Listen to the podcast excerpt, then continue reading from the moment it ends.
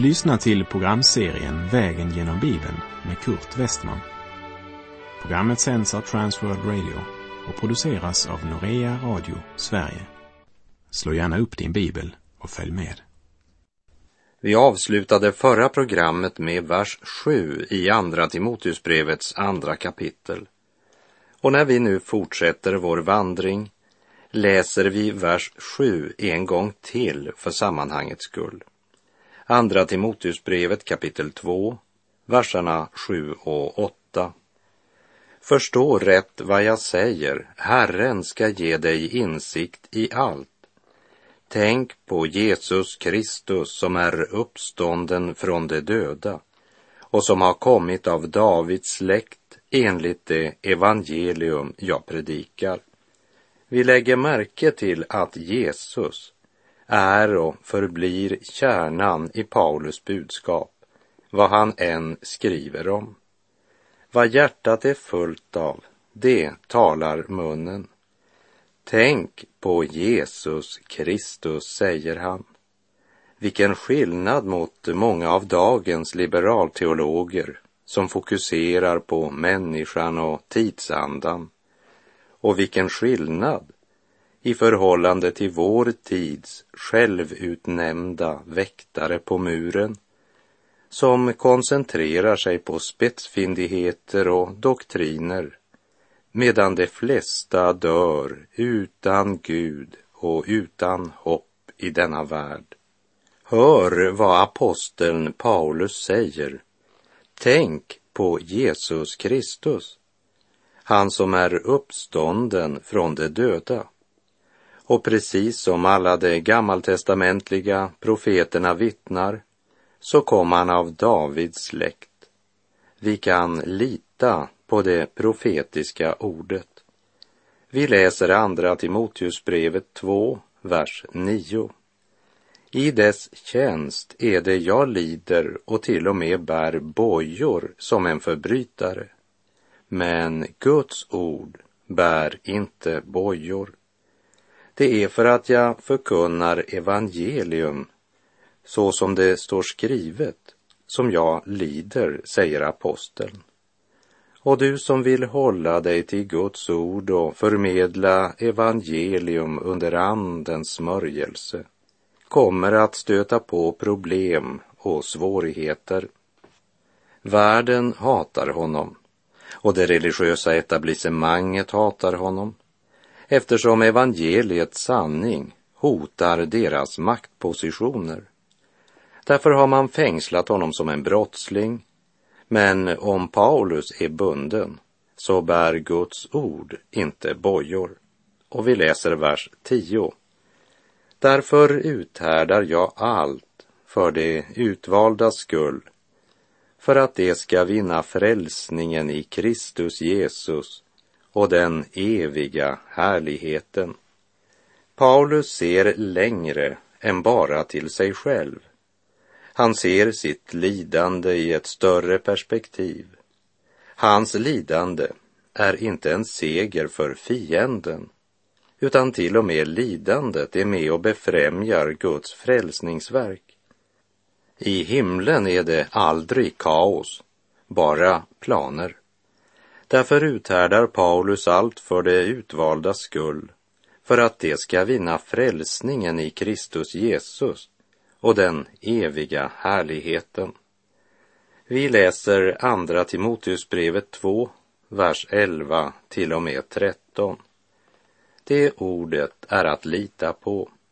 Ty har vi dött med honom ska vi också leva med honom. Härdar vi ut ska vi också regera med honom. Förnekar vi honom ska han också förneka oss. Är vi trolösa, han förblir trofast, ty han kan inte förneka sig själv. Vissheten om att Jesus försonat alla hans synder och besegrat döden, det är kraften i Paulus liv. Kristus dog för Paulus och för dig och mig. I Romarbrevet 6, verserna 3 och 4 skriver Paulus Eller vet ni inte att vi alla som har blivit döpta till Kristus Jesus har blivit döpta till hans död? Vi är alltså genom dopet till döden begravda med honom för att också vi ska leva det nya livet liksom Kristus uppväcktes från de döda genom Faderns härlighet. Kristi väg gick genom död till liv, genom lidande till härlighet. För ett ögonblick så såg det ut som om fienden skulle triumfera, men i nästa ögonblick var döden besegrad, graven tom och på pingstdagen blev den helige ande utgjuten. Det nya livet hade kommit och Jesu efterföljare utrustades med kraft ifrån höjden till att vara hans vittnen. Och tron på Kristus är förutsättningen för att kunna motta Andens gåvor. Gud själv har satt oss i stånd att vara tjänare för ett nytt förbund. Och det uttrycks så här i Andra Korinthierbrevet 3, vers 4 och 5. En sådan tillit har vi till Gud genom Kristus. Inte så att vi av oss själva skulle kunna tänka ut något på egen hand, utan vår förmåga kommer från Gud. Han har gjort oss dugliga till att vara tjänare för ett nytt förbund. Uttrycket av oss själva, det talar om den begåvning eller förmåga som är medfödd eller naturligt förvärvad genom studier eller erfarenhet. Men den är inte nog för den andliga striden. Det är Gud som gör oss dugliga att vara tjänare i det nya förbund där alla troende är ett heligt prästerskap. Håller vi fast vid den gammaltestamentliga ämbetssynen så förnekar vi att den fullkomliga offergärningen har skett. Låt oss bekänna Jesus i både ord, handling och hållning. Förnekar vi honom ska han också förneka oss. Och det är viktigt att vara klar över att vare sig vi tror på honom eller vi förnekar honom så står hans ord fast i evighet. I Lukas 21.33 säger Jesus Himmel och jord ska förgå, men mina ord skall aldrig förgå. Därför är det viktigt att bygga våra liv på Guds ord. Ordet som vittnar om honom som har makt att förlåta synder och skänka evigt liv. Vittnar om honom som besvarar vår trolöshet med sin gudomliga trofasthet. Löftena kan inte svika, som Levi Petrus skrev i sången. När Paulus skriver Förnekar vi honom så ska han också förneka oss. Har han därmed gjort det klart för oss att tron utan gärningar är död. Paulus och Jakob motsäger inte varandra. Jakob talar om trons gärningar. Paulus säger att verklig tro skapar alltid gärningar. Calvin sa, tron alena frälsar. Men den frälsande tron är aldrig alena. Vi läser i Andra Timoteusbrevet 2, vers 14. Påminn om detta och uppmana dem allvarligt inför Gud att inte strida om ord. Det är inte till någon nytta utan bryter bara ner åhörarna. Håll dig till det grundläggande, säger Paulus och jag har mottagit telefonsamtal från pastorer i baptistförsamlingar, lutherska församlingar, pingstförsamlingar, missionsförsamlingar och så vidare som säger vi tackar Gud för programmet Vägen genom Bibeln och för att du tror på Guds ord och förkunnar Kristus. Ja, vi är mycket tacksamma för programmet, även om vi kanske inte kan vara eniga i allt. Men vi har det grundläggande gemensamt. Sedan är det andra som tror att de är kallade av Gud att strida för sina bestämda doktriner och som kräver att vägen genom Bibeln ska representera just deras särtolkning. Må Gud förbarma sig över dessa ordryttare som har så mycket kunskap att Gud själv inte får komma till i deras liv. Paulus säger, uppmana dem allvarligt inför Gud att inte strida om ord. Det är inte till någon nytta, utan bryter bara ner åhörarna.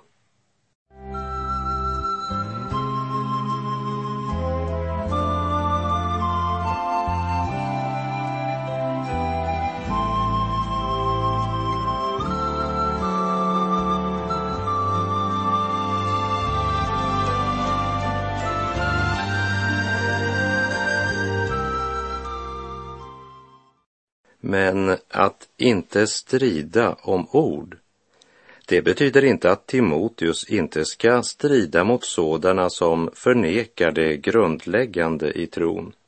Men hans kallelse är inte att imponera genom sin debattkonst, utan att i ord och gärning vara ett exempel för församlingen. Och Paulus kommer med konkreta föreskrifter för hur Timoteus ska förvalta sin uppgift som församlingsföreståndare. Och han råder honom att eh, vara mera upptagen av sina egna synder och brister än av andras. Vi läser andra Timoteusbrevet 2, vers 15. Gör allt du kan för att bestå provet inför Gud likt en arbetare som inte behöver skämmas, utan rätt delar sanningens ord. Följ Guds ord, både när du vittnar och i ditt vardagsliv. Låt den uppståndne Jesus vara centrum i din förkunnelse och så lev som du lär. Din kallelse är inte att briljera i konsten att debattera diskutera och försvara Gud. Fråga dig istället om du verkligen lever i en så nära gemenskap med Jesus att Andens smörjelse vilar över ditt liv och din gärning. Det var väl ingen som var mer ivrig att försvara Gud och den rätta läran än fariseerna och de skriftlärde men de tjänade varken Gud eller sina medmänniskor och var inte alls så betydelsefulla för Guds rike som de själva trodde. Ett Guds barn behöver inte bara studera Guds ord, han måste också praktisera Guds ord och motta kraft ifrån höjden så att han kan förmedla det evangelium som är mer än ord. Därför skriver också Paulus till de troende i Korint i Första Korinthierbrevet 2, 4. Och mitt tal och min predikan bestod inte i ord som skulle övertyga genom mänsklig visdom, utan genom en bevisning i ande och kraft. Och i Första Korinterbrevet kapitel 4, vers 20 säger han, ty Guds rike består inte i ord utan i kraft. Men det är inte bara diket som består av självutnämnda väktare på muren och doktrinryttare som briljerar med sin debattkonst som är en fara för församlingen. I det motsatta diket finns dessa som tror att kärlek, det är att ursäkta synden och som därför tröstar människorna i deras synder. De förkunnar inte så säger Herren, utan förmedlar bara tomt religiöst prat. Vi läser andra Timoteusbrevet 2, verserna 16 till och med 18. Men oandligt tomt prat ska du akta dig för. Det som befattar sig med sådant kommer att göra allt större framsteg i ogudaktighet. Och deras ord kommer att sprida sig som cancertumörer. Till dem hör Hymeneus och Filetus som har kommit bort från sanningen. Det bryter ner tron för somliga när det säger att uppståndelsen redan har ägt rum. Hymeneus var en av Paulus motståndare.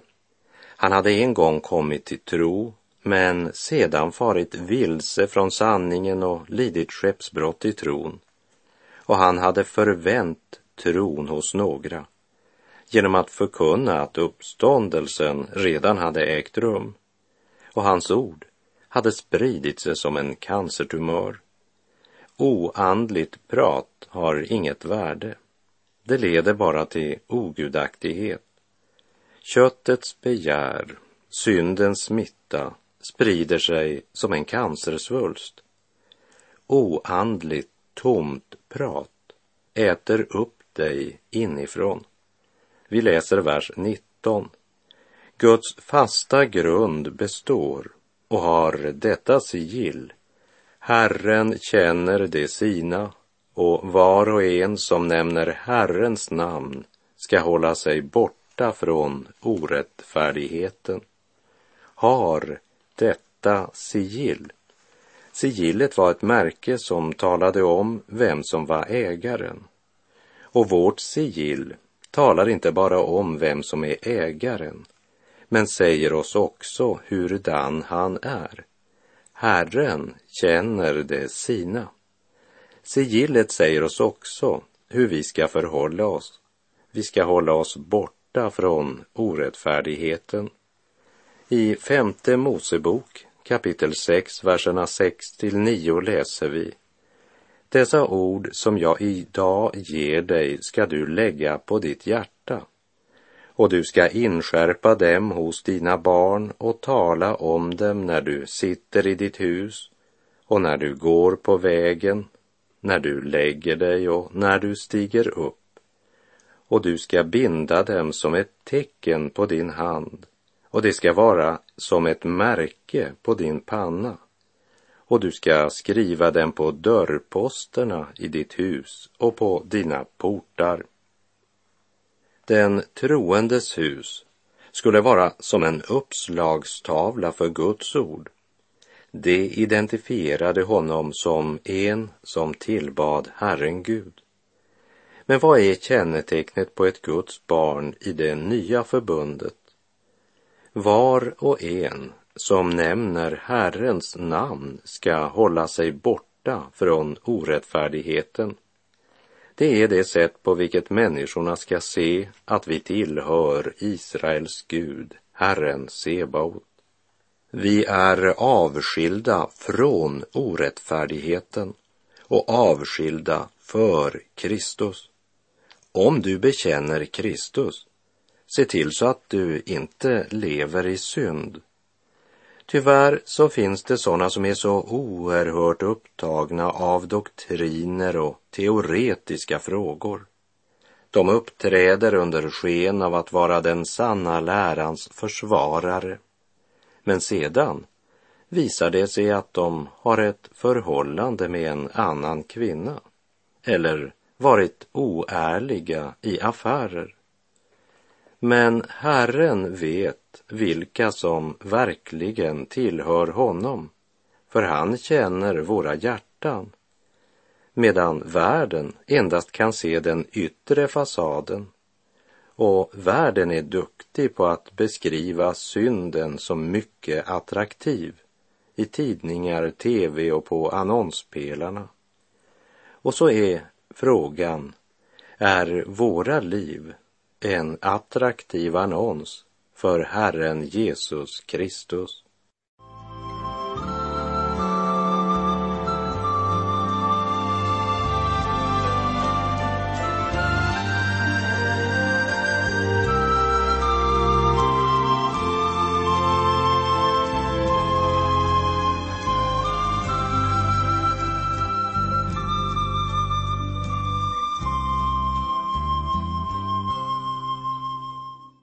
Guds ord uppmanar oss alltså klart att hålla oss borta från orättfärdigheten och säger vidare i Andra Timoteusbrevet 2, verserna 20 och 21.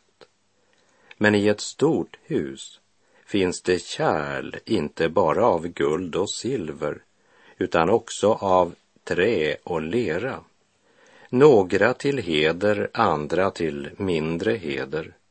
Den som därför renar sig och håller sig borta från dessa blir ett kärl till heder, helgat, användbart för sin Herre och förberett för allt gott arbete.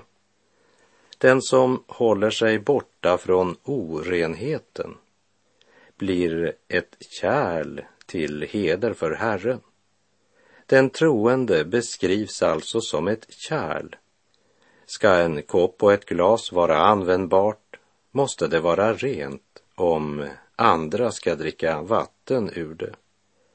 Tänk dig att du vandrat länge runt i sommarhettan utan vatten. Så kommer du äntligen fram till en brunn.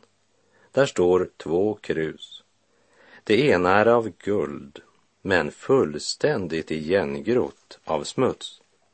Det andra är av billigaste glas, kantstött, men helt rent. Vilket krus skulle du välja att dricka av? Skulle inte Gud vara lika smart som du? Även han använder renade kärl. Hebreerbrevet 1, vers 3 säger Sonen utstrålar Guds härlighet och uppenbarar hans väsen och uppehåller allt genom sitt mäktiga ord. Och sedan han utfört en rening från synderna sitter han nu på majestätets högra sida i höjden. I Johannes första brev kapitel 1, vers 9 läser vi Om vi bekänner våra synder är han trofast och rättfärdig så att han förlåter oss våra synder och renar oss från all orättfärdighet. Vi läser vidare Andra Timoteusbrevet kapitel 2, vers 22. Fly bort från ungdomens onda begär och sträva efter rättfärdighet, tro, kärlek och frid tillsammans med dem som åkallar Herren av rent hjärta. Guds ord talar ofta om tro, kärlek och frid. Tre ord som sammanfattar en kristen människas liv. Det finns synder som har en särskild dragningskraft på det unga sinnet. Det betyder inte att frestelserna minskar när man blir äldre, men det kan vara andra ting som frestar. Men när Paulus skriver till den unge Timoteus fokuserar han naturligt nog på ungdomens onda begär. Hade det varit en gammal man han skrivit till, då hade han varnat för ålderdomens frestelser och faror. Lägg märke till att aposteln säger att rättfärdighet är något vi ska sträva efter. Det betyder inte att vi ska försöka vinna rättfärdighet genom lagen. Men det betyder att när vi har tagit emot rättfärdigheten från Gud har vi ett personligt ansvar där vi om och om igen måste välja. Välja vad vi vänder oss bort ifrån och vad vi vänder oss till. Andlig växt går inte av sig själv. Att leva av nåd betyder inte att fortsätta att synda. Vi har inte blivit renade från synden för att sedan fortsätta att leva i synden. Martin Luther sa så här, en död tro, det är att utan sann omvändelse och bättring tillägna sig tröst av Guds nådelöften. Paulus uppmanar sin unge medarbetare att leva i helgelse. Och när det gäller undervisning och vittnesbörd så har han också något att säga. Vi läser andra Timoteusbrevet 2, verserna 23 och 24. Avvisa dumma och meningslösa dispyter. Du vet att det föder strider och en Herrens tjänare ska inte strida utan vara vänlig mot alla, skicklig att undervisa och tålig när han får lida. Liberalteologin är farlig.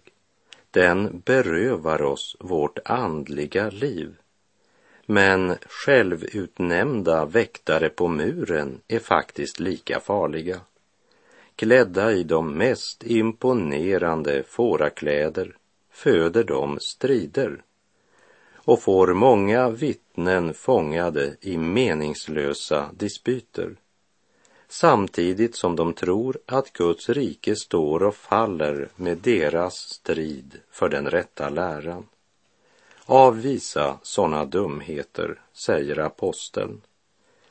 Det är viktigt för oss som vill vara Jesu efterföljare att förstå vem som är vår broder och vem som är vår motståndare. Det är inte om du är metodist, baptist, lutheran, pingstvän, missionsförbundare, frälsningssoldat eller något annat som gör oss till fiender. Men om du förnekar syndafallet eller förnekar jungfrufödseln, försoningens absoluta nödvändighet, uppståndelsen eller andra grundläggande sanningar, då är du Guds motståndare och min motståndare. Och våra motståndare ska vi tillrättavisa. Vi läser andra Timoteusbrevet 2, verserna 25 och 26. Han skall i ödmjukhet tillrättavisa sina motståndare. Kanske ger Gud dem omvändelse så att de kommer till insikt om sanningen och nyktrar till och slipper loss ur djävulens snara där de hålls fångna så att de gör hans vilja. Så sant vi är Guds barn så har vi en tjänares kallelse.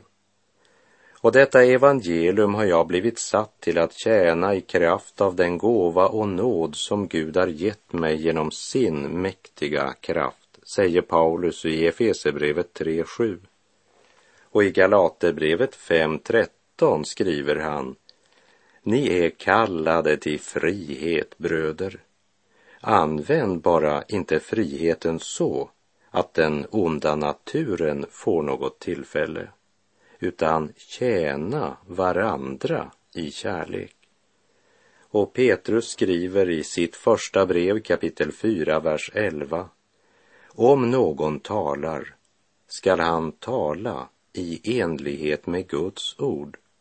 Har någon en tjänst skall han tjäna efter den kraft som Gud ger, så att Gud i allt blir ärad genom Jesus Kristus.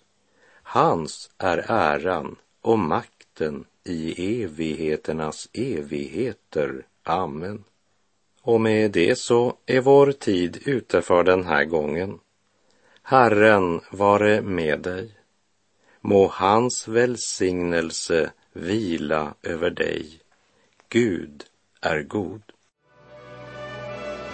Du har lyssnat till programserien Vägen genom Bibeln med Kurt Westman som sänds av Transworld Radio. Programserien är producerad av Norea Radio Sverige. Om du önskar mer information om vårt radiomissionsarbete så skriv till Norea Radio Sverige, box 3419 103 68, Stockholm.